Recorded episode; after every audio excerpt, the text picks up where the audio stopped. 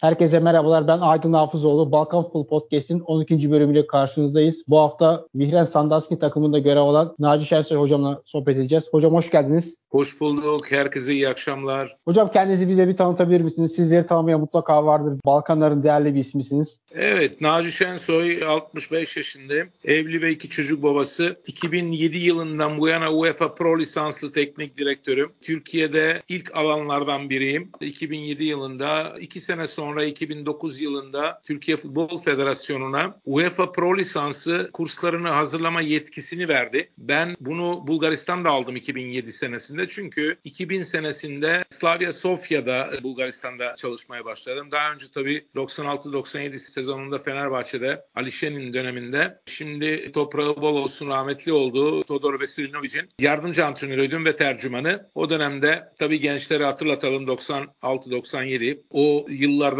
doğanlar şimdi 27-28 yaşlarında. O dönemde Rıdvan Dilmen, Alişen daha doğrusu Fenerbahçe'ye menajerlik sistemini getirmeye yeltendi. Çünkü bizim seyircilere ya da dinleyicilerimize daha aydın olsun diye İngiltere'de teknik direktör kavramı kullanılmaz, menajer kavramı kullanılır. Arasındaki fark nedir? Türkiye'de teknik direktör sadece adı üstünde teknik işlerine bakar. İngiltere'de ise menajer hem teknik direktör hem sportif direktör. Her ikisinin görevini üstlenir.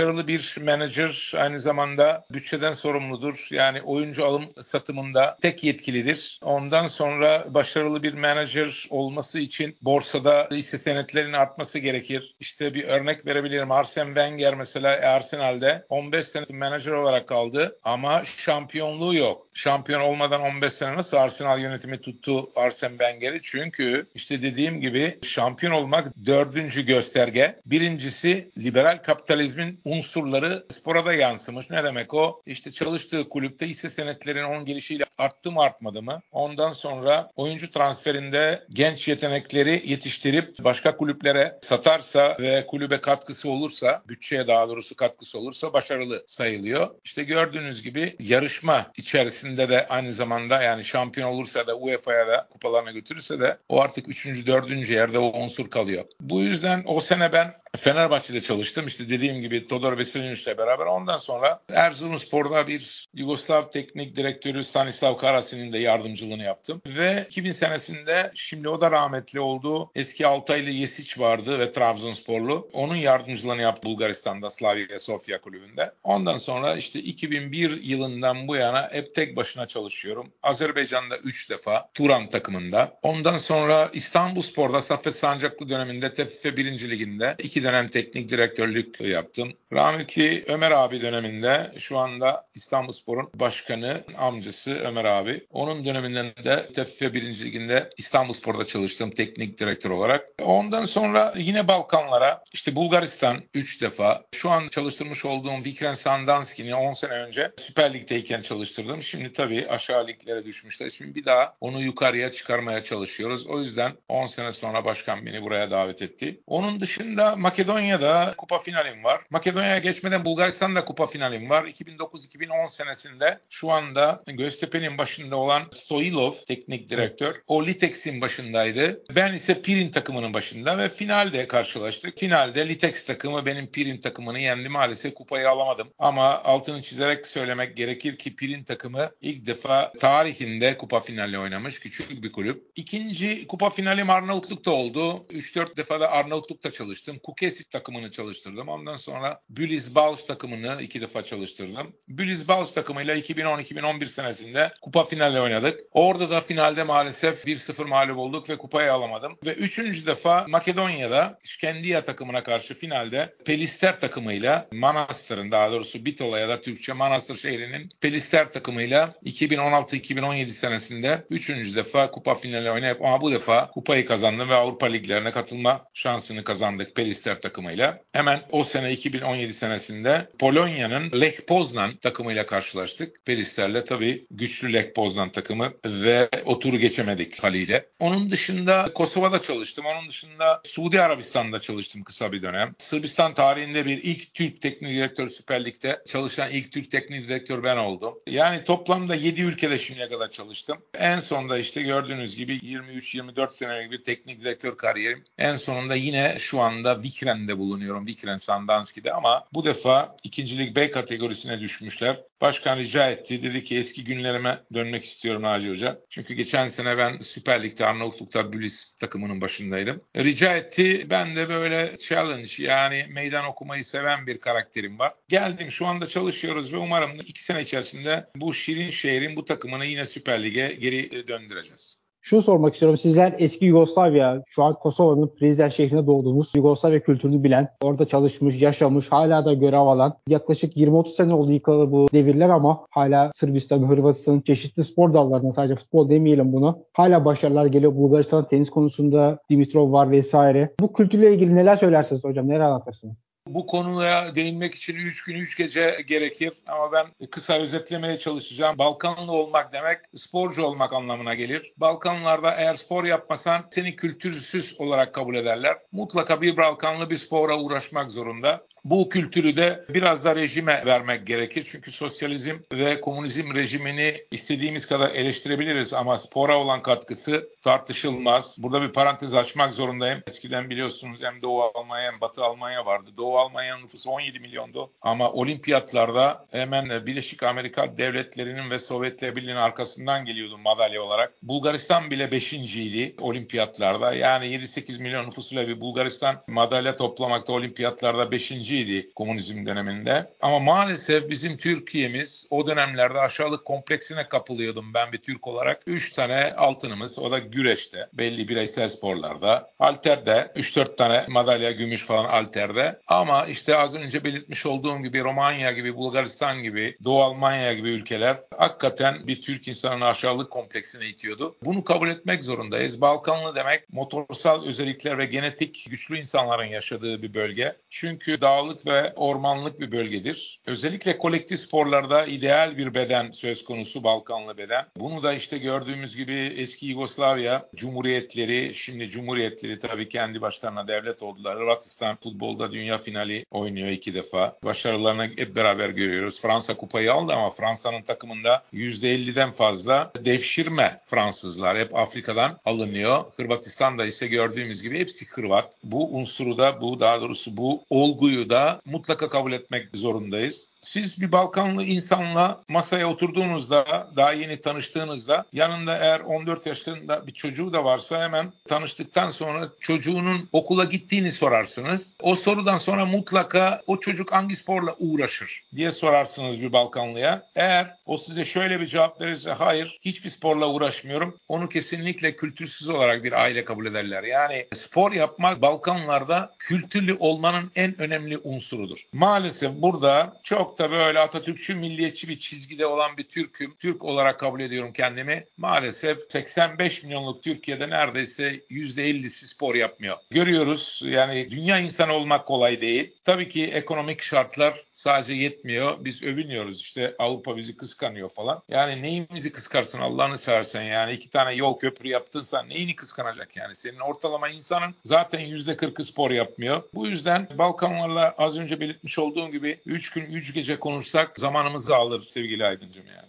Bu konuda kesinlikle katılıyorum hocam. Ben de iyi bir tenis severim mesela. Diğer sporları takip etmeye çalışıyorum. Maalesef Türkiye'de spor yapmak ayrı bir sorun. İzlemek kültürü yok. Bize sadece futbol. O da poligazm seviyesinde. Daha ileri gidemiyoruz. Hocam 7 tane ülkede çalıştım dediniz ya. Kaç dil biliyorsunuz? Kaç dil konuşabiliyorsunuz? Yugoslavca tabii 29 yaşına kadar Yugoslavya'da yaşadım. Burada bir parantez açmak zorundayım yine. Biz Kosova Prizren şehrindenim ben. Kosova'da 1 milyon 700 bin nüfusu falan var Kosova'nın şu anda. Bir 15 bin kadar yani İstanbul'daki Rumlar gibi, İstanbul'daki Ermeniler gibi süper bir azınlığız Türkler olarak. En fazla da Türk Prizren'de var. Orada ilkokulu Türkçe okudum. Liseyi de Türkçe okudum. Ondan sonra işletme fakültesini Priştine'de bitirdim. Çünkü rahmetli annem ve babam öğretmendi ve o dönemde tabii hem sosyalist ülke olarak pek fazla para yoktu futbolda. İstikbalimizi yani sporla uğraşanlar mutlaka ya bir üniversite ya da bir zanatla uğraşacaktı. Benim de annem babam öğretmen olduğu için bana sporu yasaklarız sana dedi. Futbolu oynamana müsaade etmeyiz eğer bir üniversite bitirmezsen. Haliyle sol elimde kitaplar, sağ elimde top. Hem işletme mezunuyum yani Priştine Üniversitesi ama şunun altını çizerek vurgulamak istiyorum. Ben bir Türk'üm. Kosova Türk'ü ama 87'den bu yana Türkiye'de yaşıyorum. 5 sene 87'den 92'ye kadar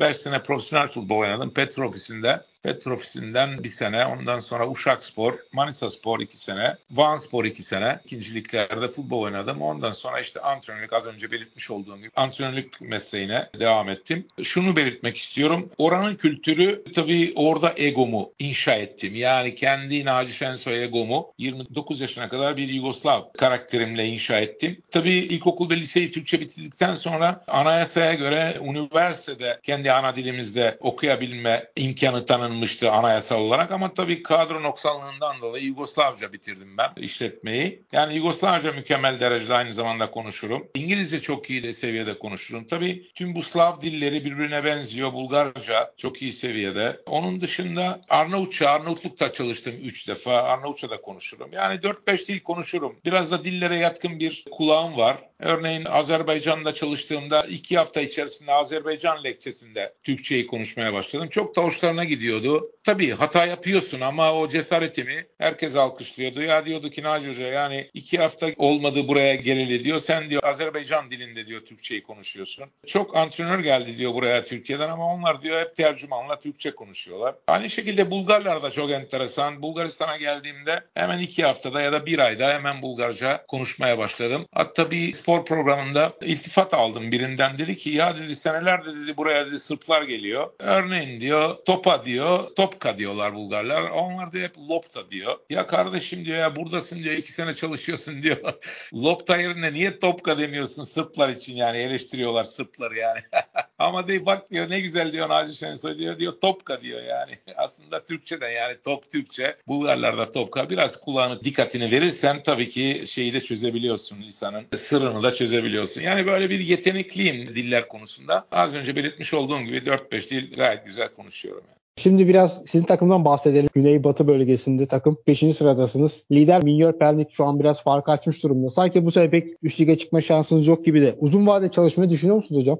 Daha konuşmama başladığımda 10 sene önce Vikren'de çalıştığımı belirtmiştim. O sene ben Pirin takımındaydım. Vikren'i burada Samdanski'de Süper Lig'de 2-0 yenmiştik. Başkan da yakın Samdanski, Blagoevgrad'a yakın hemen ertesi gün geldi dedi. Hoca ve dedi bizi düşürdün dedi yani. Sen düşürdün dedi. Sen çıkaracaksın dedi beni. Çok hoşuma gitti dedi oyun tarzınız falan. Ben de geldim ikinci ligde. Tamam dedim yani çok mu istiyorsun dedim. Beni de çok istiyorum. Ben de atladım geldim. Yarım sezonda liderdik ikinci ligde ama maalesef başkan burada buradaki siyasilere, belediye başkanına kızdı. Kalktı gitti Lokomotiv Plovdiv'i satın aldı. Tabii Lokomotiv Plovdiv Türkiye'deki Trabzonspor gibi dördüncü büyükleri Bulgaristan'da. Niye dedim böyle yapıyorsun? Otur dedim ya şampiyon olacağız dedim şeyde Vikren'i yine Süper Lig'e çıkacağız. Hayır dedi ben dedi böyle böyle dedi kızdım yönetime. Heyecanla biraz istiyorum. Tabii 10 bin kişinin önünde oynayacağız dedi orada hoca dedi. Oraya gidelim. Halbuki tabii Plovdiv'de oluşumu hesaplayamadı başkan. Yani orada yönetimde başkan Boneb vardı kulüp başkanı onursal başkan olarak. Ondan sonra Atanas Uzunov vardı. Yani bu isimlerle orada aynı zamanda Lokomotiv Plovdiv takımını daha önce şampiyon yapmış Edward Eranosyan de vardı yönetimde. Üçü de. Onlarla işbirlik yapmak, rahat çalışmak zordu dedim. Bak göreceksin. Nitekim de öyle oldu. Gittik devre arası yılbaşında aldık Lokomotiv Plovdiv'i. Sonuncu yerden iyi. Gittik kümede bıraktık o sene. Benim dediğim çıktı. Başkanı rahat ve beni rahat çalışmaya müsaade etmediler orada. Geri döndük Vikren Sandanski'ye. Ben bir ara ayrıldım Vikret Sandanski'den. Artık o işte 10 senedir ikinciliklerde. Ben de zannettim ki ikinciliklerde ama bir baktım şimdi 3. lige yani bizim ikincilik B kategorisine düşmüşler. Naci Hoca dedi ben dedi proje olarak geri dönmek istiyorum. Yani kulübün eski şanını yakalamak istiyorum diyor. Gelir misin yani bana? Vallahi dedim klasik bir 3. lig takımı olsaydı ben gelmem dedim yani. Çünkü hiç şimdiye kadar çalışmadım. Ama proje olarak diyorsan dedim geliriz dedim. Bir şeyler yapmaya çalışırız. Ama geldim mesela ben şimdi yazın. Geçen sene bu takım ikinci olmuş ligde. Marek çıkmış şampiyon olarak. Ben de mantık yürüttüm. Dedim ki eğer bu takım ikinci olduysa geçen sene bu sene ne yapması gerekir? Çok basit 12 yaşındaki bir çocuğa sorsan onu yapar. Kadronun iskeletini korur ve gereken 2-3 tane takviye yapılır ve yoluna devam edersin. Ben öyle zannettim. Bir geldim takımın yarısı gitmiş gitmiş. Yani komple savunma gitmiş. Geldim biraz da tabii bir iki hafta geç kaldık. Neredeyse liglerin başlamasına 3 hafta falan kalan geldim. Geç oldu. Ya merak etme şimdi biz futbolcu buluruz transfer yaparız ama maalesef gereken futbolcular alınmadı. Özellikle savunmada büyük problemler yaşadık. Çünkü komple savunma gitmişti. İki tane merkez savunmacı stoper bulamadık. E ne yaptık? Hep orta sahadan stoperler oynattık. Bu birincisi Minyor Pernik'te bizden çok daha iyi hazırlanmıştı. Hem kadro olarak hem de geçen sene korumuş oldukları kadro ve onun üstüne yapmış oldukları takviyeyle çok daha hazırlardı bize göre. Yine de müthiş bir kapışma verdik ve 6 puan gerideydik. Bir sorun daha ortaya çıktı. Nedir o? Vize sorunu. Çalışma vizesi. Bu benim Bulgaristan'da dördüncü çalışma vizem. Eskiden bir günde çalışma vize alınıyordu. Şimdi İstanbul'a gittim. Maalesef bir ay gelemedim çalışmalara. Çünkü bir ay İstanbul'da D vize dedikleri çalışma vizem için bekledim yani. Neden böyle oldu? Çünkü işte biliyorsunuz siyasi olaylar çok mülteciler var. Ukrayna'dan, Suriye'den, Afganistan'dan İstanbul'a gelip Bulgaristan'da çalışmak isteyenler var. O yüzden araştırma biraz daha uzun sürüyor ve bir ay bekledim. Bu bir ay zarfında da tabii ki yardımcın değerli bir çocuk ama maalesef puan farkını iyice aştı. 12-15 puan aştı Minyor Pernik ve oturduk başkanla değerlendirdik. Ben ayrılmak istediğim başkan sakın kesinlikle bütün başarısızlığı biz üstümüze alıyoruz. Şimdiden bu yarım sezonda önümüzdeki senenin kadrosunu sen kur. Aynen öyle yapıyorum. Burada eski bir Muradov var, Raif Muradov. Türk bir futbolcu Gotse Delçevli. Onu çok iyi tanıyorum. Buradaymış, ayrılmış. Onu Montana'dan tanıyorum 10 sene önce Süper Lig'de oynuyordu çocuk stoper. Onu aldık. Karaçanakov var. iyi bir futbolcu. Çok klas bir futbolcu. Süper Lig'de sürekli oynadı. Slavya'da çok güzel işler yaptı. En son şimdi Makedonya'da Süper Lig'de oynuyordu. Onu geri getirdim. Bir tane Nijeryalı bir stoper var. Onun da işte 2-3 ay vizesi sürdü. İşte görüyorsunuz yavaş yavaş savunmayı daha şimdiden önümüzdeki sene için oluşturmaya çalışıyorum ve hala da bu süreç devam ediyor. Bir iki tane daha futbolcu alacağız ve ondan sonra ikinci yarıya 2024 ve 25 sezonun şimdiden hem takım oluşmasını hem de taktiksel olarak birbirine uyum sağlanmasını şimdiden hazırlanacağız ki bu sene Minyor Pernik ne yaptıysa biz de önümüzdeki sene aynı şeyi yapmak istiyoruz.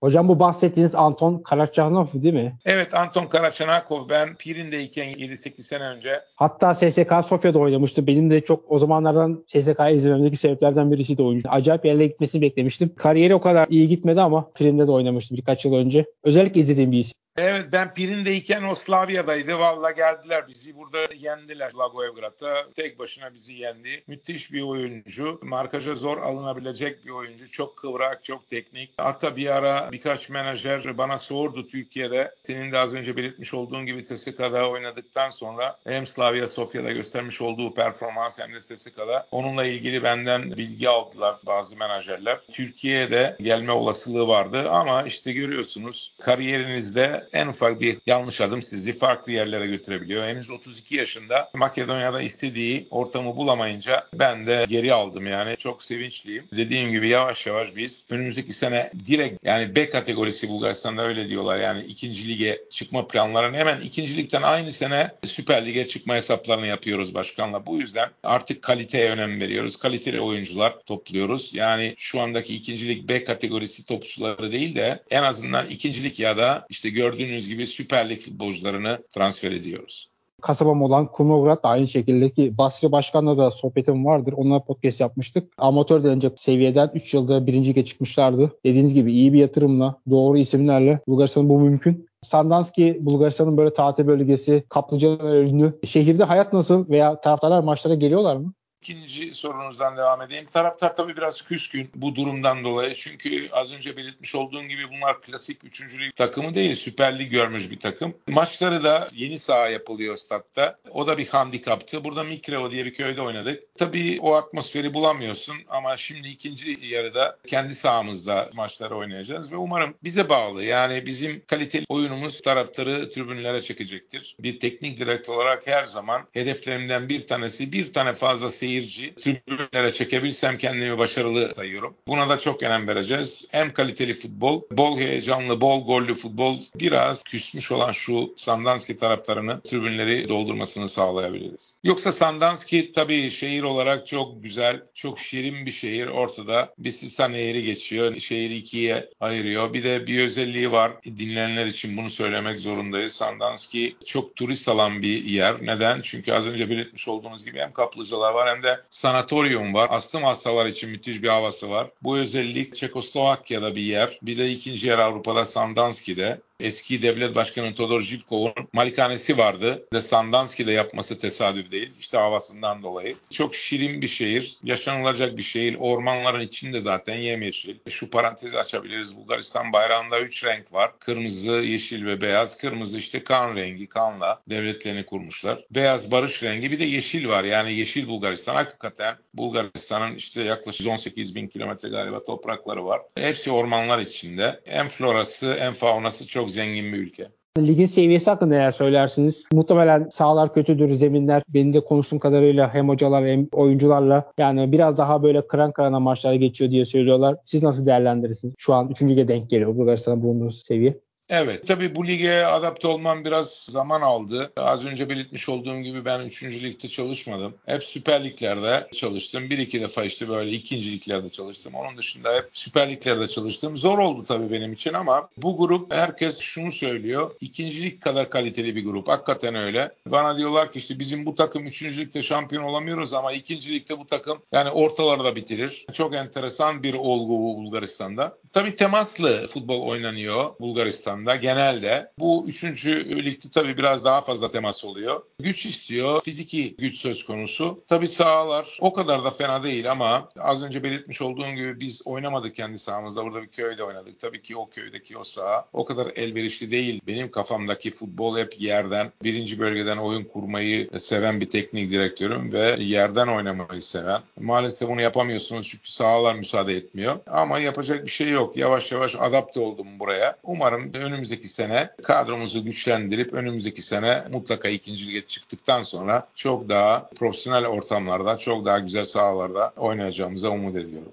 Minyor Pen dediğimiz takım zamanında Bulgaristan Kupası'nda final oynamış hatta kazanmış da olabilir. SSK'nın ikinci takımı var ki onlara nasıl bakıyorsunuz bilmiyorum. Şu konuda biraz kendimce eleştiriyorum. İşte Ludogorets'in 3 tane takımı liglerde oynuyor. Bunu biraz amiyane tabirle dinleyenler de yanlış anlamasınlar da maç satıyorlar bence. Çünkü bir amaçları yok. Ne çıkma ne düşme. Slavya'nın takımı vardır. SSK'nın ikinci takımı vardır. Sanki bunlar tamam oynasın ama ligin kaderini de belirliyor bence. Kendim öyle düşünüyorum. Siz ne dersiniz? İlk önce ben bir olumlu tarafından bakmak istiyorum. Şimdi büyük takımların kendi takımları hem ikincilikte hem üçüncülükte yarıştırıyorlar. Bu güzel bir olgu. Mesela Türkiye'de bu yapılmıyor. Bence yapılsa çok daha iyi olurdu. Yani Galatasaray, Fenerbahçe, Beşiktaş'ın, Trabzonspor'un kendi bünyesindeki futbolculardan 3 tane yarışmacı takım yapmaları bence çok yararlı olurdu. Yani hem Süper Lig'de hem ikincilik bizdeki TFF birinci ligi ya da eve ikincilik B kategorisinde takımları olsun olsun. Bunu çok yararlı görüyorum. Bulgaristan'ın da bir handikapı var yalnız mesela bizim için bir handikap oldu. Transfer yapamıyoruz. Neden? Çünkü Bulgaristan 6-7 milyonluk bir ülke ve kaliteli futbolcuları zaten bu büyükler alıyor. Ludogorets'i, CSKA'sı, Levski'si. Bunlar topluyorlar ve kendi takımları hem ikincilikte hem üçüncülükte olduğu için siz futbolcu bulamıyorsunuz. Kaliteli futbolcu bulamıyorsunuz piyasada. Bir örnek vermek gerekiyorsa ben İstanbulspor'da TFF 1. Liginde çalıştığımda 2008-2009 senesinde ve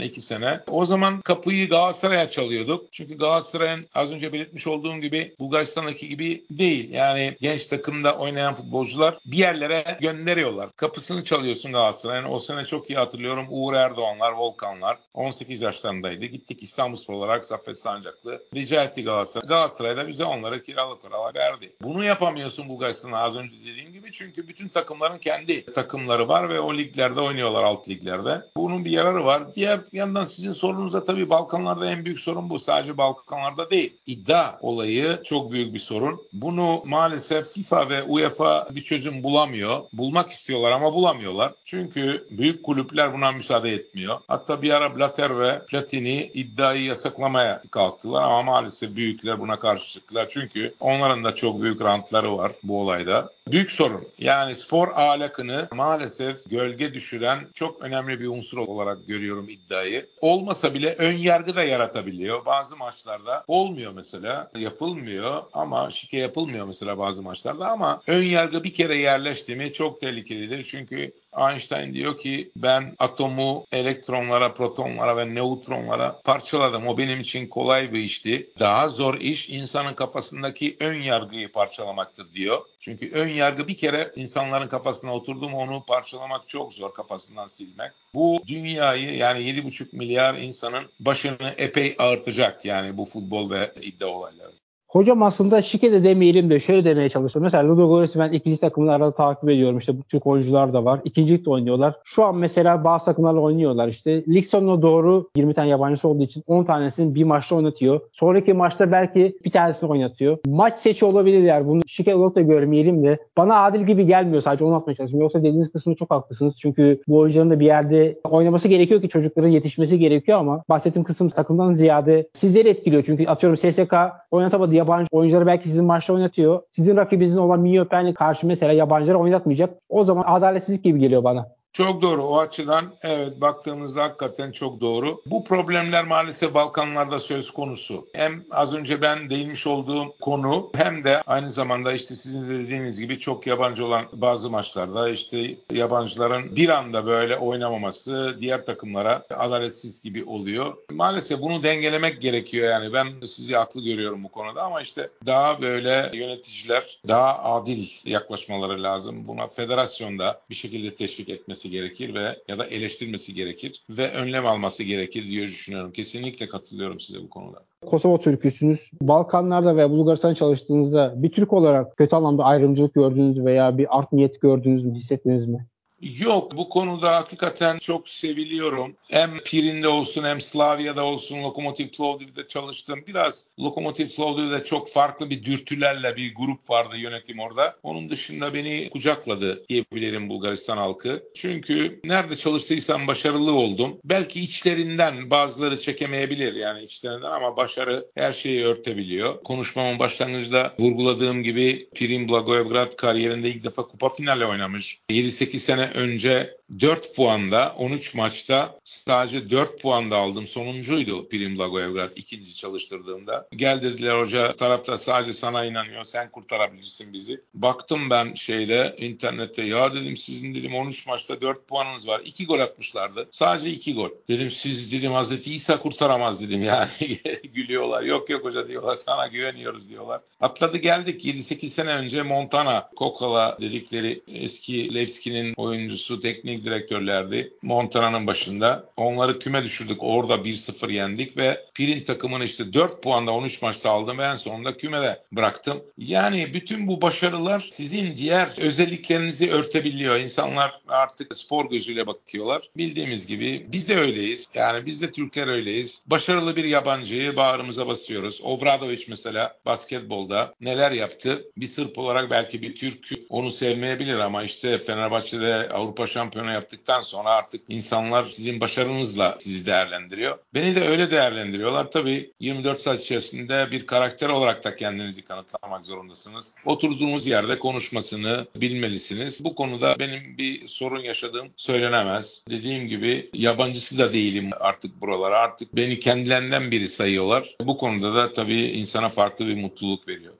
Hocam herhalde katılır bilmiyorum da ben de üniversite okurken Sofya'da şunu fark ettim. O ülkedeki insanlara saygı duyarsanız onlar da size saygı duyuyorlar. Nasıl burada şu an Suriyeliler, Afganlar yolda yürürken yüksek sesle konuşuyorsa bu bizi iğreti ediyor, bizi rahatsız ediyor. Yani yaşadığınız ülkeye saygı duyduğunuz sürece siz de saygı görüyorsunuz. Ben çok fazla gördüm arkadaşlardan yüksek sesle Türkçe konuşuyorlar. Bunlar tepki gösterdiler. Tabii ki gösterecekler. Sonuçta onların ülkesinde yaşıyorsunuz. Sizin karakteriniz herhalde herkese adapte olduğu için de size çok kolay gelmiş gibi geliyor bana. Evet dediğim gibi bir kere dil iletişim kurmak için mesela dilde bir sorun yok dili konuşabiliyorsunuz ve az önce belirtmiş olduğum gibi bir yabancı olarak sizden başarı bekliyorlar. Bulgaristan'da antrenör mü yok? Yani kalkıp Naci Şensoy'u davet etsin. 10 sene önce çalışan bir başkan yani. Bulgaristan'da antrenör mü yok? Var. Ama demek ki farklı bir şeyler, farklı bir izlenimler bırakmışız ki farklılığından dolayı beni bir daha davet ediyor buraya. Onun için insanları olduğu gibi kabul etmek gerekir. Çalışkan bir insan, kültürlü bir insan nerede olursa olsun, dünya neresinde olursa olsun kabullenir. Yani benimserler onu konu orada. Sadece ben söz konusu burada değil. İşte az önce belirtmiş olduğum bir Obradoviç ya da futbolda ne bileyim bir Gordon Lin Beşiktaş'ta 3 sene üst üste şampiyon yaptı. Daha çok sayabiliriz yabancılar bizde çalışanlar. Bu yüzden insanlar bir kamera gibidir. Sizi kameraya alır ve her hareketinizi 24 saat içerisinde susmanızı bile kaydeder. Konuşmanızı değil susmanızı bile kaydeder. Ne zaman nerede ne yapmanız gerektiğini siz eğer bilirsiniz ve az önce belirtmiş olduğum gibi en önemlisi de çalışkansanız, başarılıysanız çok daha bilinci yüksek bir gözle olaylara bakıyorlar ve öyle de olacak.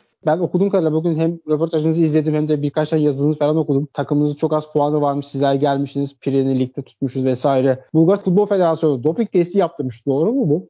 Evet ya çok enteresan. İnanamadılar. Dediğim gibi 13 maçta sadece 4 puan. 12 takımlık ligde Montana üstümüzdeydi 11 puanla yani 7 puan kaçıyordu ve üst üste galibiyetle geldikten sonra bir baktık doping testi yaptılar. Ya acaba bu Türkiye'den güçlü bir doping mi getirdi yani ne oldu bu takıma böyle? Bunlar hepsi gurur verici bir olaylar. Ondan sonra bir tane profesör hiç unutmam kariyerimde. Biliyorsunuz Bagdad Amerikan Üniversitesi var ve böyle şehirden gezerken eşiyle beraber bir adam durdu. Eşine diyor ki bir dakika diyor ben diyor bu adamla diyor mutlaka tanışmak zorundayım. Hocam diyor işte ben Amerikan Üniversitesi'nde diyor rektörüm ben diyor. Biz diyor zannettik ki futbolcularımız yok. Halbuki sen diyor kanıtladın ki demek hocamız yokmuş yani. Bunlar benim kariyerimde yaşadığım güzel anlar. Her şey para değil. Blagoevgrad'da yani hem bu doping olayını hem de o rektör olayı hiç unutamayacağım anlardı şeyde Blagoevgrad'da yaşadıklarım. Yani. Hocam kariyerinizde bir de siz uzun dönem Gençler Birliği'nde görev almışsınız. Peki rahmetli İlhan Cavcı hakkında bize bir şeyler anlatır mısınız? Çünkü futbolun doğrularını yapmaya çalışan bir insandı. Sonrasında kulübün ne hale geldiğini gördük şu anlarda. İlhan Başkan'la ilgili bir anınız var mıdır? Gençler Birliği'nde ben teknik sorumluydum. Teknik direktör değil. İrfan Buz benim takım arkadaşım. Vansford'da beraber oynadık. Ona teklif gelmişti teknik direktör olarak. Naci Hoca dedi ben de dedi pro lisans yok dedi. Ben şeye çıkamıyorum basın toplantılarına hatta kulübede bile eşofmanlarla ancak oturabiliyorum. Bana bir pro lisanslı teknik direktör lazım. Ama klasik bir yardımcı olarak seni görmüyorum. Tam tersi senden bir şeyler öğrenmek istiyorum. Gelir misin? Tabii takım arkadaşım. Benden zaten 9-10 yaş küçük falan dedim. Gidelim kardeşim kardeşimize yardımcı olalım. Gittik, çalıştık. Güzel de işler yaptık. Rahmetli İlhan Cavcav hayattaydı. İlhan abi e, tabii son senelerde ben çalıştım. Yani hemen benden sonra ya da 2017-18 sezonuydu. Bir sene iki sene sonra rahmetli oldu. Yaşlıydı. Eleştirdim onu dedim İlhan abi dedim eskiden dedim sen dedim Afrika'dan dedim 1 liraya aldığın futbolcuları 5 liraya satıyordun. Türkiye'de dedim ne oldu dedim bu yabancıları sana kim getiriyor? Eleştirdim o dönemdeki gelen yabancı futbolcuları. Ya Naci Hoca diyor çok haklısın. Çünkü İlhan abiye böyle direkt eleştirenler çok az. Bana diyor ki ya diyor sen de diyor çok hoşuma gidiyor diyor bana diyor söylemiyorlar. Sen diyor direkt yüzüme söylüyorsun diyor. Ama tabii güçlü argümanlarla diyor konuşuyorsun. Hakikaten öyle diyor. Eskiden diyor o moşeler, koneler diyor yani hep getirdim diyor. Şimdi diyor maalesef diyor yani getirdiğim futbolcuları bir yere satamıyor. Yani para kazanamıyor. E tabii yaşlanmıştı İlhan abi. Allah rahmet eylesin. Futbolu çok seviyordu. Yıllarını gençte birine vermişti. Ölmeden önce 20-25 milyon euro kasaya para bıraktı. Ama maalesef ölümünden sonra işte gördüğünüz gençler birliğine oldu. Oğlu bile geldi. O paralar gitti. Hatta borca girdiler. Yani İlhan abi kendi şirketini nasıl yönetiyorsa kulübü o gözle, o prensiplerle yönettiği için başarılı oldu. Tabii yaşlanınca işte yavaş yavaş o özelliklerini kaybetti. Bir sene sonra İrfan Buz ayrıldı. Bir sene sonra Stuart Baxter diye İskoç bir hoca geldi. İlhan abi yalvardı. Dedi kal dedi senin İngilizcen çok iyi seviyede dedi. Buna dedi yardımcı ol. Tek şartla kalırım ama Stuart Baxter gittikten sonra dedim ben dedim teknik direktör olmak istiyorum. Yoksa dedim ben dedim 20 sene teknik direktör olarak çalıştıktan sonra ben dedim birinin yardımcısı olmak istemiyorum. Sadece İrfan Muz'a yardımcı olmaya geldim. Tamam dedi. E geldik o Stuart Baxter'le uzun sürmedi. İki maç sonra o. Ben Kasımpaşa maçına çıktım. Ama maalesef bazı olaylar içeride oldu. İlhan abinin benimle çalışmaya çok hevesli olmasına rağmen içerideki bazı olaylar kaynayınca devam etmedik. Allah rahmet eylesin. Güzel anılarım var. Burada sabaha kadar konuşsak İlhan abiyle anlatılacak çok anılar vardır dediğiniz gibi Afrikan futbolcuları getirip Jeremy'yi satması vesaire. Hocam bir de çalıştığınız diğer bir takım var. Manisa FK. Bunu da Manisalı bir arkadaş sordu bu takipçi sorusu diyelim buna. 2021 yılında Manisa FK'ya imza attınız. Kısa sürede ayrıldınız. Bunun sebepleri özel değilse anlatabilir misiniz? Çünkü birçok fazla spekülasyon var diye not etmiş bana. Evet sağ olsun ben bu konuya pek maalesef konuşmak istemiyorum ama çok sağ olsun. Hemen bir aydınlanma getireyim. Ben şimdi Manisa'da sevilen bir karakterim. Neden? Çünkü Manisa Spor'u şampiyon yaptık biz 91-92 senesinde. Manisa Spor'da 2 sene futbol oynadım. Manisa'da sevilen de simalardan biriydim. Hatta orada ev aldım. 7 sene orada yaşadım. Van Spor'a gittiğimde Manisa'dan sonra yine evim oradaydı. Ama Fenerbahçe olayı olunca ben Manisa'daki bütün evimi, şeyimi hatta bir bilardo salonu da kurmuştuk takım arkadaşım Seral'la beraber. Hepsini onlara devrettim. Ben İstanbul'a yerleştim. Yani Manisa'da çok güzel anılarım var. Manisa Spor, daha o zaman Manisa PK yoktu. Manisa Sporlular beni bağrına bastı. Ben de onları çok sevdim. Böyle bir bütünleşmiştik ve şimdi o dönemde şu andaki belediye başkanı Sayın Cengiz Zergin o dönem as başkandı. Gençti. Genç bir yönetim vardı. Ben şimdi bu kariyeri yaptıktan sonra senelerdir benimle çalışmak istiyordu zaten Cengiz Başkan ama kısmet olmuyordu. Manisa Spor'un teknik direktörü bir ihtiyacı olduğu dönemlerde ben çalışıyordum. Ben boşta kaldığım zaman onların teknik direktörü iyi gidiyordu. Böyle kısmet olmadı ve nihayet işte iki sene önce maalesef Manisa Pekan'ın şu andaki başkanı çok kötü bir davrandı, davranışı var bana karşı. Çünkü hem belediye başkanıyla hem Manisa Pekan'ın şu andaki başkanıyla beraber oturduk. Ben Manisa belediye başkanından dolayı ben boş mukaveleye imza attım. Ama maalesef şu andaki Manisa kulübü başkanı bunu çok kötüye kullandı ve iki hafta sadece çalıştıktan sonra benim görevime son verdi. Maalesef ben daha fazla burada belediye başkanına kızgınım. Çünkü belediye başkanı beni savunmalıydı. Kulüp başkanına demeliydi ki yani bu iyi olmaz. Çünkü bu kariyerli bir hoca. Yani kupa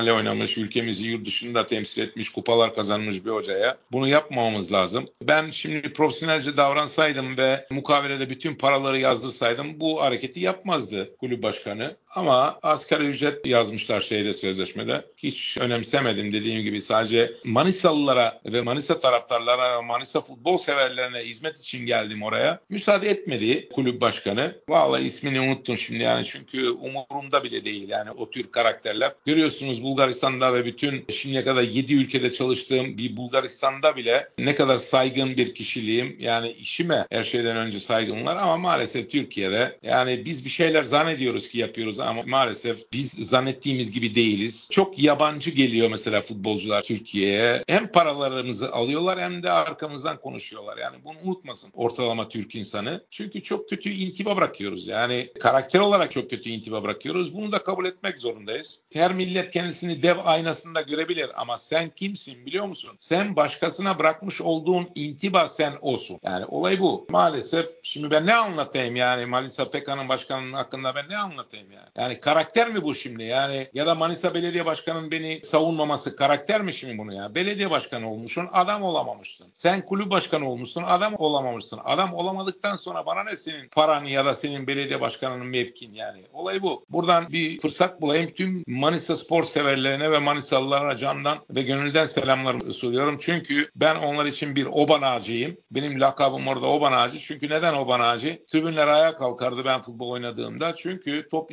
isterken Yugoslavya'da hopa derdik. Yani hopa. Türkiye'de gel işte ya da oyna gibilerinden. O lakabı almıştım. Her zaman gönlümde ayrı bir yerde olan Manisalılar ve Manisa spor severler. Onlara çok büyük hizmetler etmek istedim ama maalesef iki tane şahıs, bir belediye başkanı Cengiz Ergün bir de kulüp başkanı hayal kırıklığına uğrattılar beni ve maalesef böyle bir kariyerimde de böyle bir tatsız olay var. Neden Türkiye'de hiç tesadüf değil? Çünkü dediğim gibi bir kere biz adam değiliz. Yani her şey olabiliyoruz da adam olamıyoruz. Türkiye'de yaşadığı sorunlar herhalde Balkanlarda veya diğer ülkelerde bu kadar soru yaşamadı değil mi hocam? Yok mümkün değil. Bak şimdi bu başkanla mesela şu anda Vikren'in başkanlığı adam Bulgar. Adam Türk değil ki Bulgar. Yani az önce dediğim gibi burada Manisalılar beni dinlerse iyi dinlesinler. Bak şimdi bu Bulgaristan'da antrenör mü yok yani? Sözleşmem bile yok adamla. Çünkü işimi görüyor, sabırlı, karakterimi görüyor. Şimdi her şey yapabiliyoruz biz kendi ülkemizde ama maalesef adam olamıyoruz. Benim anlatmak istediğim olay bu. Bir yabancı geliyor mesela. Jesus ya da bilmem bütün yabancılar geliyor. Menajerleriyle geliyor ve sözleşme yapıyorlar. Sözleşmelerde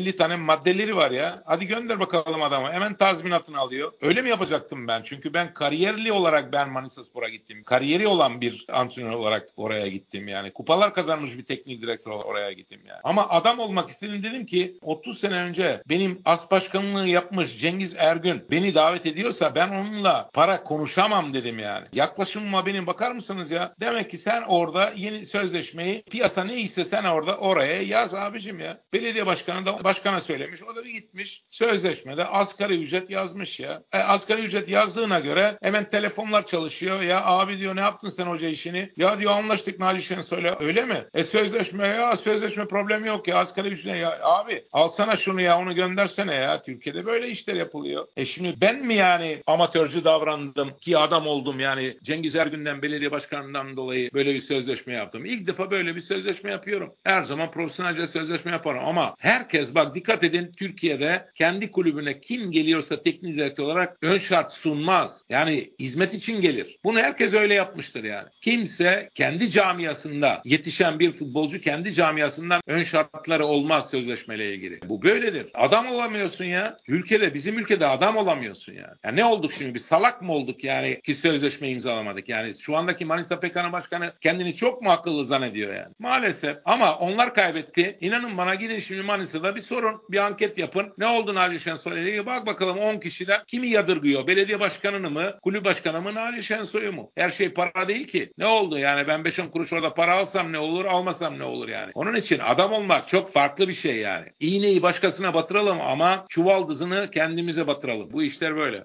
Naci Hocam orada sizin tamamen sevginizi veya iyi niyetinizi suistimal etmişler anladığım kadarıyla.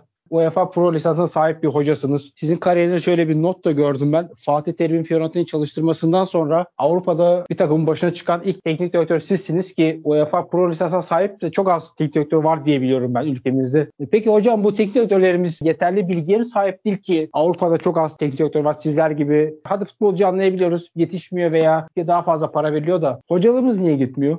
Çok güzel bir soru. Böyle bir soruyu bekliyordum zaten sevgili Aydın. Şimdi gelin bakalım delillerle, argümanlarla konuşalım. Biz ne yapıyoruz ülke olarak 85 milyon Türk yani? Bayılıyoruz hava atmaya da bir bakalım ne yapıyoruz yani. Şimdi ben 2007-2008 yılında UEFA Pro lisansını aldım. 3 sene sonra 2009 senesinde UEFA bizim Futbol Federasyonu'na Pro lisansı vermeye at tanıdı. Ondan sonra işte Fatih Terimler, Ersun Yanallar bildiğimiz bizim teknik direktörler hepsi böyle kısa bir dönem kursu geçirdikten sonra Pro lisans sahibini oldular. Yani benden 3 sene sonra son. Şimdi ben yurt dışında ülkeme kupa getiren bir teknik direktörüm. Bunu Fatih Terim başaramadı ki. Fatih Terim İtalya'ya gitti, Milan'da çalıştı, Fiorentina'da çalıştı ama kupa kazanamadı. Yani ünvanı yok. Sözüm meclisten dışarı ben şimdi Fatih Terim'le kendimi kıyaslamıyorum ki. Halbuki Fatih Terim için burada bir parantez atsak burada da 3 gün 3 gece konuşmamız gerekir Fatih Hoca'nın başarılarından. Ama ben farklı bir şeye vurgulamaya çalışıyorum. Yani ben ünvan getirdim yani kupa getirdim. Ve yurt dışında ülkemize kupa getiren belki de 3-4 antrenörlerden ben bir tanesiyim. Galiba Rasim Kara Azerbaycan'da Karabağ takımıyla kupa kazandı ve onun dışında ben ülkemize kupa getiren hoca yok. Şenol Güneş gitti Güney Kore'de çalışmaya. Ünvan kazanamadı. Mustafa Denizli İran'a gitti. Ünvan getirmedi. Şampiyon mu oldu? Kupayı mı aldı Mustafa Hoca yani? Gelin bu gözle bakalım. Yani kim ne yapıyor bu ülkeye yani? Bunu ben de eğer dinliyorsa burada Manisa FK'nın başkanı kulaklarını atsın ve dinlesin. Aynı zamanda belediye başkanı da dinlesin. İkincisi bizim Türkler olarak yurt dışında doktor veriyoruz. Benim kızım doktor, ortodontist uzmanı benim kızım. Şimdi Hollanda'ya gitti. Bak görüyorsunuz Hollanda Türkleri gözle görmek istemiyor Hollanda şu anda. Ama benim kızımı kabul etti. Neden kabul etti? Çünkü uzman kendisi. Demek ki bizi sevmese bile senin uzmanlığına saygı gösteriyor Hollanda ve seni kabul ediyor. Bütün Avrupa böyle. Mühendislerimiz var. Kimler yok? Doktorlar, mühendisler. Niye hem doktorlarımızı hem mühendislerimizi alıp çalıştırıyor? Peki niye teknik direktör almıyor? Şimdi Yılmaz Vural'la mesela bu konuyu ben konuştum. Ya Naci Hoca işte hemen hazır Alaturka cevap yani. Ya bizi işte Türkler olarak Müslüman olarak sevmiyor Avrupa. Yok ya sevmiyorsa o zaman niye doktorlarımızı alsın? Niye mühendislerimizi alsın? Binlerle mühendis var. Binlerle doktorumuz Avrupa'da çalışıyor. O öyle değil. Herkes beni çok iyi dinlesin. Çünkü bunu başka birinden duymaları mümkün değildir yani. Neden mi? Çünkü Türk futbol ekolü yok. Türk futbol felsefesi yok. Başarılı olabilirsin. Mesela Ertuğrul Sağlam Bursa Spor'da yapmış olduğu başarı Allah'ınızı severseniz belki 50 sene geçecek. Bir daha öyle bir Anadolu takımıyla şampiyon olabilecek bir hocaya bekleyeceğiz yani. Ama ne oldu? Ertuğrul Sağlam'a niye Avrupa'dan bir teklif gelmedi? Ben size cevap vereyim. Çünkü oyun felsefesine bakıyor. Avrupalı ilk önce ekole bakıyor. Oyun felsefesi. Yani diyor ki oturuyorlar masaya Avrupa yöneticisi ve diyor ki İspanyol teknik direktörü mü alalım? Neden? Eğer İspanyol teknik direktörü alırsak bize futbolu birinci bölgeden ikinci bölgeye yerden kısa paslarla futbol oynatacak. Onu mu alalım? Almanya'dan mı alalım? Almanya ne yapacak? Almanya teknik direktörü alırsak onlar biraz daha fiziksel olarak daha dayanıklı böyle temas oyununa yönelik bir futbol oynatacak bize ve topa daha sahip olmadan yani yatay değil de dikey oynamayı bize o felsefeyi getirecektir. Görüyor musunuz ki Avrupa'da insanlar isim olarak teknik direktörü seçmiyorlar. İlk önce felsefe arıyorlar. O felsefe içerisinde ondan sonra en başarılı olan 5-6 tanesini yazıyorlar ki arada bir tanesiyle anlaşıyorlar. E bizi niye almıyorlar Avrupalılar? Çünkü diyorlar ki abi Türkiye alırsak bu nasıl bir futbol bize oynatacak? Çünkü felsefe yok. Neyi oynatacak? Nasıl oynatacak yani? Meçhul. Avrupa Şampiyonası'nda gördük. Hep duygusal olarak. Türklerle karşılaşan takımlara soruyorlar. Abi Türklerle oynuyorsunuz yani ne olacak? Keşke diyorlar Almanya'ya karşı oynasak. Keşke Brezilya'ya karşı oynasak. Çünkü nasıl bir ekole karşı oynayacağımızı çok iyi biliyoruz. Önlemini alabiliyoruz. Ama bu Türklerle diyor mümkün değil ya. Onlar günübirlik yani duygusal olarak. Onlar motive oldular mı onlar herkesi yenebiliyorlar. Yani görüyor musunuz ki bir oyun felsefemiz yok. Sadece duygusal olarak. Hadi aslanım hadi koçum yani. Bu yüzden biz eğer kendi futbol felsefemizi ve futbol ekolümüzü yetiştirmezsek, inşa etmezsek daha doğrusu yurt dışına antrenör vermemiz mümkün değil. Verirsek de Fatih Terim gibi bireysel olarak Galatasaray'da UEFA kupasını aldı ve bireysel olarak o başarıyı aldı. Yani İtalyanlar Türk futbol ekolünden, Türk futbol felsefesinden bir teknik direktör almadılar. Fatih Terim'i aldılar yani. Ama ben farklı şeylerden size bahsediyorum. Ben felsefeden bahsediyorum. Peki sizin hocam bu gelişiyor ya dünyada. Bu futbolu ayak uydurmak zor mu sizce? Onu nasıl başarıyorsunuz? Çünkü o zaman çok daha farklı işte 10 numaralarla oynanırmış. Şu an daha fazla herkes taktik taktik oynamaya çalışıyor. Geriden topla çıkmalar başladı. Kaleci oyunu dahil oldu. Bu kısma ne dersiniz?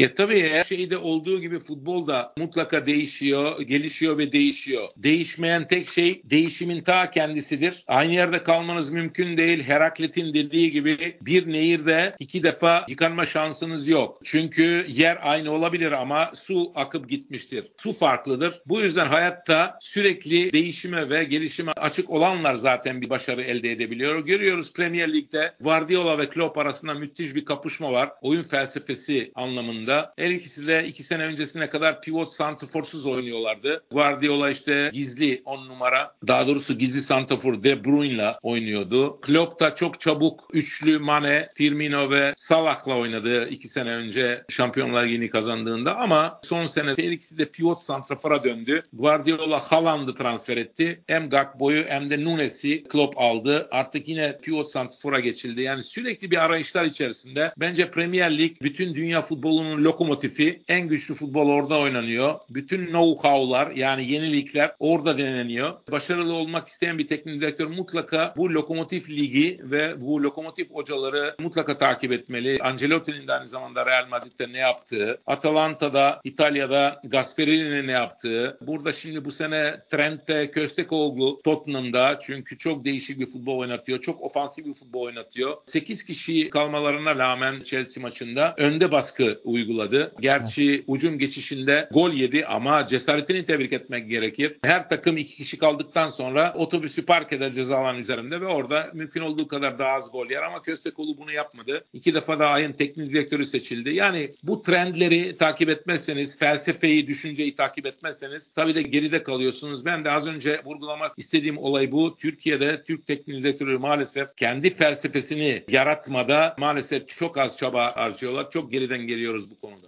Hocam Türkiye'deki diğer bir sorun da yani hep aynı isimler dönüyor işte burada isim söylemene gerek yok. Hep A ismi B ismi C takımına geliyor. Tekrar aynı hoca tekrardan geliyor. Burada gençlere veya işte bu işi layıkıyla yapmak isteyenlere, liyakat seviyesinde yapmak isteyen hocalara da sanki fırsat tanınmıyor. Hep aynı isimleri görüyoruz. Bir diğer tabirle siyasette bitiyormuş gibi görünüyor. Maalesef bu konuda çok kısa söyleyeceğim. Bir toplumun toplumsal, ekonomik ve siyasal ilişkileri nasılsa futbolda odur. Yani bir ülkenin futbolu, bir ülkenin sporu kendi bulunmuş olduğu toplumsal, ekonomik, siyasal ilişkilerinin aynasıdır. Maalesef işte görüyorsunuz bizim siyasette neler oluyor ve onun bir aynası. İşte federasyon başkanı nasıl iş başına geliyor? Türkiye Futbol Federasyonu UEFA'ya bağlıdır ve özerktir. Yani bunu kırmızı ile altını çizmek istiyorum. Özerk demektir. Özerk demek ne demek? Siyasetin bu işe karışmaması demektir yani. Bu nasıl olacak? Bütün kulüpler kendi üyeleriyle federasyon başkanını seçecek. Ama Türkiye'de böyle mi oluyor? Tepeden alo sen gidiyorsun sen geliyorsun. Yani ne anlatacağız abi? Yol, köprü, metro tamam da babacığım bir kere bir bakalım biz ne yapıyoruz? Böyle bir yönetim mi olur? Onun için Avrupa bizi böyle izliyor kenardan ama kafasından zaten silmiş yani. Çünkü tam bir Alaturka yaklaşım bizde. Bu konuda daha fazla konuşmak istemiyorum çünkü gram geliyor artık yani. Onun için bizden hiçbir şey olmaz. Bu zihniyeti biz değiştirmeden, liyakatı ön plana tutmadan sadece sporda değil her konuda biz ciddi bir başarılara ve dünyada böyle gıptayla izlenebilecek bir ülke olmamız mümkün değildir. Bu dedikleriniz yüzde yüz katılıyorum hocam. Her anlamda katılıyorum. Hem ülke siyasetine hem ülke futboluna. Şimdi ben sizin bugün röportajınızı dinledim, izledim. İki tane futbolcudan bahsetmiştiniz. Bir tanesi Sefer Emini, diğeri de Padu, Brezilyalı. Bir de ekstra olarak biz bir ay önce Makedonya Gorçe Petrov'dan Ermeni'nin Adem var, Türk futbolcu. Onunla podcast çekmiştik. Onda size selam vardı. Onu da ileteyim ben bu arada. Sizin bunun gibi aklınıza kalan önemli futbolcular var mı? Sizin için değerli olan isimler. Sağ olsun Makedonya'da beraber çalıştık Sefer Emini ile ve Adem'le falan. Bunlar çok değerli karakterler. Üsküplüler bunlar. Üsküplü olmak her baba yiğidin harcı değil. Yani Üsküp kültürünü spora yansıtmak. Sefer'i şu anda galiba Danimarka'da bir yerde oynuyor. Çok yetenekli bir futbolcu. Çok futbolcu yetiştirdim. Arnavutluk'ta mesela 16 yaşında Peter Olayinka benim oyuncum 16 yaşında Nijerya'dan getirdim. Bir menajer getirdi ve 2 sene çalıştıktan sonra 18 yaşında kupa finalinde Lapia Türkiye karşı Bülis takımında final oynadı. Ondan sonra işte kariyerini biliyorsunuz. Slavia, Prag, Belçika'da bir takımda oynadı. Şimdi galiba Kızı Yıldız'da. Evet yani dediğim gibi işte Adeney James benim oyuncu şu anda Tuzla Spor'da. Yani çok oyuncu yetiştirdim bu 25 sene içerisinde teknik direktörlük kariyerimde. Hepsi değerli oyuncu oldu. Hepsiyle temas halindeyim. Herkes sağ olsun özel günlerimde ararlar, hatırımı sorarlar falan. Bunlar güzel şeyler. Her şey maddiya değil dediğim gibi. Maneviyat da çok önemli. Özellikle ben bu maneviyat konusuna çok özel bir gözle bakan bir karakterin bir insanım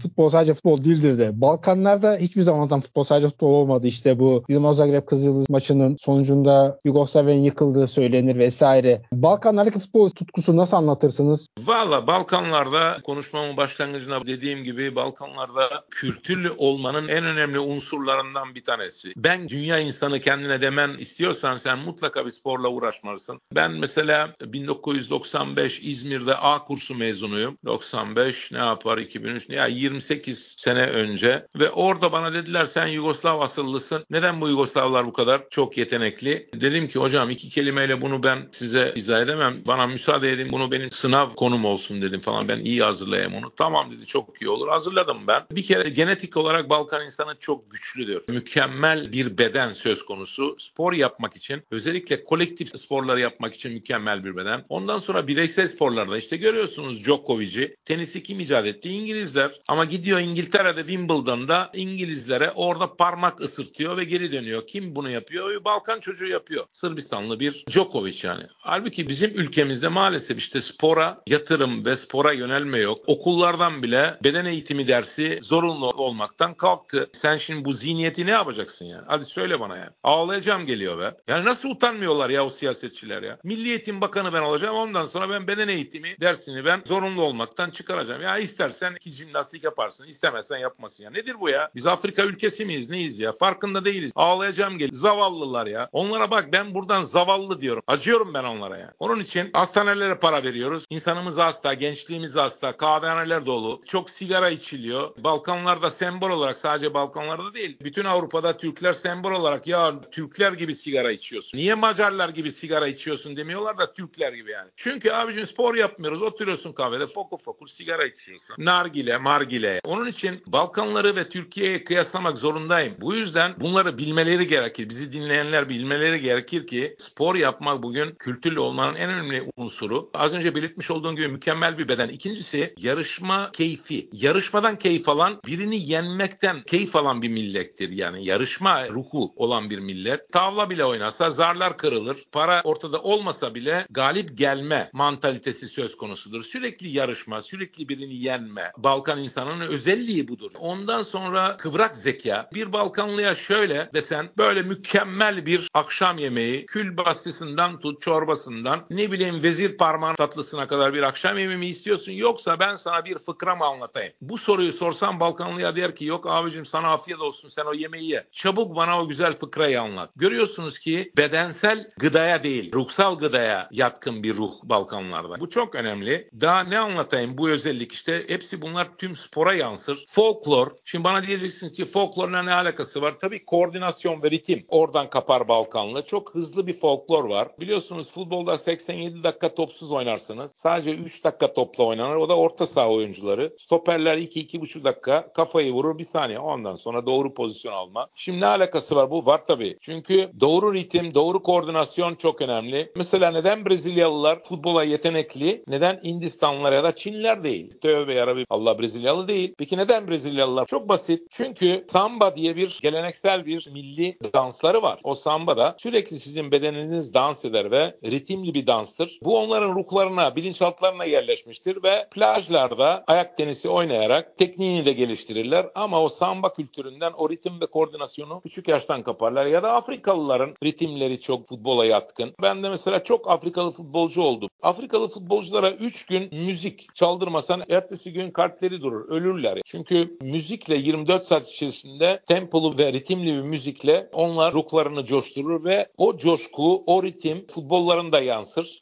hiçbir şey rastlantı değil. Her bölgenin kendi avantajları var. İşte Brezilya'nın az önce belirtmiş olduğum gibi avantajları var. Bu da Balkanlardaki o hızlı folklor futbola yansır. Bu yüzden tüm bu unsurlar bir araya topladığınızda işte Brezilya ya da Balkanlar özellikle ortaya çıkıyor. Burada bir şey daha çok önemli size söylemek zorundayım. Özellikle bizi 25 yaşlarından altından ya da 30 yaşların altında bizi olanlar, dinleyenler. Sene 1972 Pele dünyanın en büyük futbolculardan bir tanesi tanesi milli takımdan jübile maçını yaptı. Maracana'da 200 bin seyircinin önünde jübilesini yaptı. Milli takımdan son maçını oynadı. Kime karşı? Bütün dünya merak ediyordu. Kimi seçecek? Herkes ya Arjantin'i biliyorsunuz Arjantin'de Güney Amerika'da korkunç bir rekabetleri var Brezilya ve Arjantin arasında. Herkes ya Arjantin'i bekliyordu ya da Avrupa'dan Almanya, İngiltere ya da İspanya'yı falan. Halbuki Pele dedi ki ben dedi Yugoslavya'ya karşı oynayacağım dedi. Bütün dünya ayağa kalktı. Niye dedi Yugoslavya'ya? Dedi ki Pele Brezilya'dan sonra Yugoslav futbolu en yaratıcı, en doğaçlama, en göze hoş futbol oynayan Yugoslavlardır bence dedi. Hatırlıyorsunuz işte şimdi bizim gençler Türkiye'de dünya ikincisi olan bir Hırvatistan'ı seyrediyor. Modric'leri, Kovacic'leri falan. Halbuki düşünebiliyorlar mı? İşte Sırbistan, Hırvatistan, Slovenya, Bosna Hersek, Makedonya hep beraber bir Yugoslavya şimdi birleşseler acaba o milli takım ne kadar güçlü olurdu? Bununla işte görüyorsunuz Pele'nin Yugoslavlara vermiş olduğu saygıyla ben Balkan ve Yugoslav Yugoslav futbolunun ve sporunun ne kadar sevildiğini ve ne kadar başarılı olduğunu kanıtlıyor. Her şeyi ortaya koyuyor. Peki hocam Balkanlarda en sevdiğiniz şehirler hangileri? Sizlerin tavsiye edeceği 3-5 şehir var mıdır böyle çok güzel dediğiniz? Balkanlar bir kere çok güzel. Benim Prizren'im çok güzel. Benim Prizren'ime gelen bir daha gelmek ister. Çünkü Romalılardan kalma bir şehir. Osmanlılar oraya geldiğinde kale bulmuşlar. Kaleyi Romalılar inşa ediyor. Hz. İsa'dan önce, 300 sene önce. Çok eski bir şehir. Küçük bir Kudüs'tür.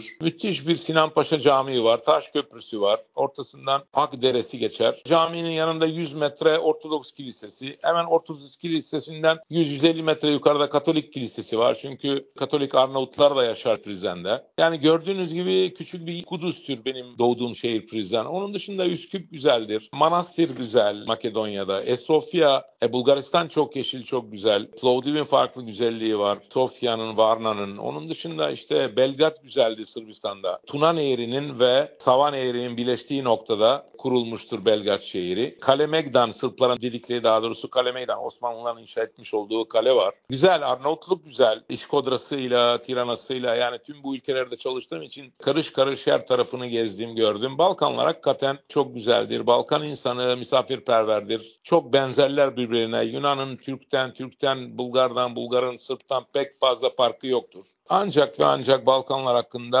olumlu şeyler konuşmak gerekir. Tarihte büyük milletler İngilizler gibi, Almanlar gibi, Fransızlar gibi hiçbir aşağılık kompleksi olmadan Balkanlı bir insan her konuda Avrupa'daki bu büyük 3 milletle ya da 4 millet İtalyanları da içine katarsanız hepsiyle böyle her konuda yarışmaya hazırlar. Futbol dışında neler yapıyorsunuz şehirde? Sevdiğiniz hobileriniz var mı? Bir gününüz nasıl geçiyor?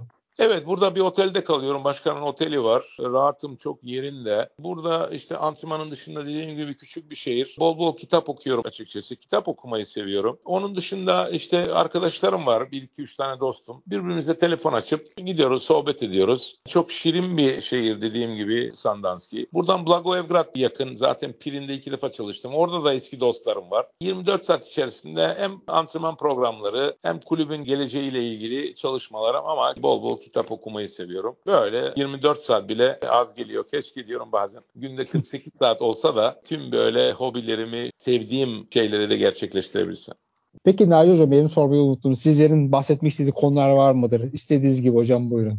Yok çok sağ ol Aydıncığım. Yani sorulacak bir Balkanlarda çalışan bir teknik direktöre sorulacak bütün soruları sordunuz. Seni tebrik ediyorum. Çalışmalarında başarılar diliyorum. Bizi de sabırla şimdiye kadar dinleyenler umarım farklı bir yaklaşım gösterip onlara şimdiye kadar duymadıkları şeyleri anlatmışızdır. Yoksa artık onlar Türkiye'den zaten bu ekonomik sıkıntıdan herkesin morali de bozuk. Umarım onlara çok farklı bir pencereden bazı olayları anlatabildiysek ne mutlu bize diyorum. Çok teşekkür ederim hocam. Size hem zaman ayırdınız açıkladınız hem gerçekten kimsenin çok fazla dile getirmeyeceği şeylere bahsettiniz. Bunlar gerçekler. Bunları kabullenmek gerekir ve bilmek de gerekir ki zaten sizler Balkanlarda doğmuş hem orada yaşayan hem Türkiye ve Balkanlar ikisini de görmüş, ikisini de uzun zamandır çalışmış, yaşamış birisi olarak en iyi aktarabilecek kişiler sizsiniz. Yani Balkanlar futbol dediğim zaman gerçekten siz akla geliyorsunuz. Ben teşekkür ederim sevgili Aydıncım ve bizi az önce belirtmiş olduğum gibi çok sabırlı bir şekilde bizi dinleyenlere çok teşekkür ediyorum. Herkese başarılar diliyorum. Morallerini yüksek tutsunlar. Her zaman optimist yani olaylara olumlu baksınlar. Özellikle genç bu jenerasyon 20 ve 30 yaş arası çok üniversite mezunu oldu. Maalesef çok işsiz var genç. Pesimist bir gözle ülkesine, halkına, milletine bakanlar var. Yurt dışına kaçmak isteyenler var. Umarım en kısa zamanda bu sorunlar çözülür. Maalesef onların şanssızlıklarına bunu bağlamamız lazım. Çok derin bir konu bu ama ben bir sporcu olarak mutlaka ve mutlaka her zaman optimist oldum. Zor günlerinde dayanıklık gösterdim. Yani bir mental dayanıklık göstermesi gerekir tavsiye ediyorum bizim gençlerimize. Zor günler, zor anlar vardır. Zorluk yoktur. Sadece zor anlar vardır. O anlarda geçer yani. İnsanların göstermiş olduğu dayanıklık çok önemli. Mental dayanıklık.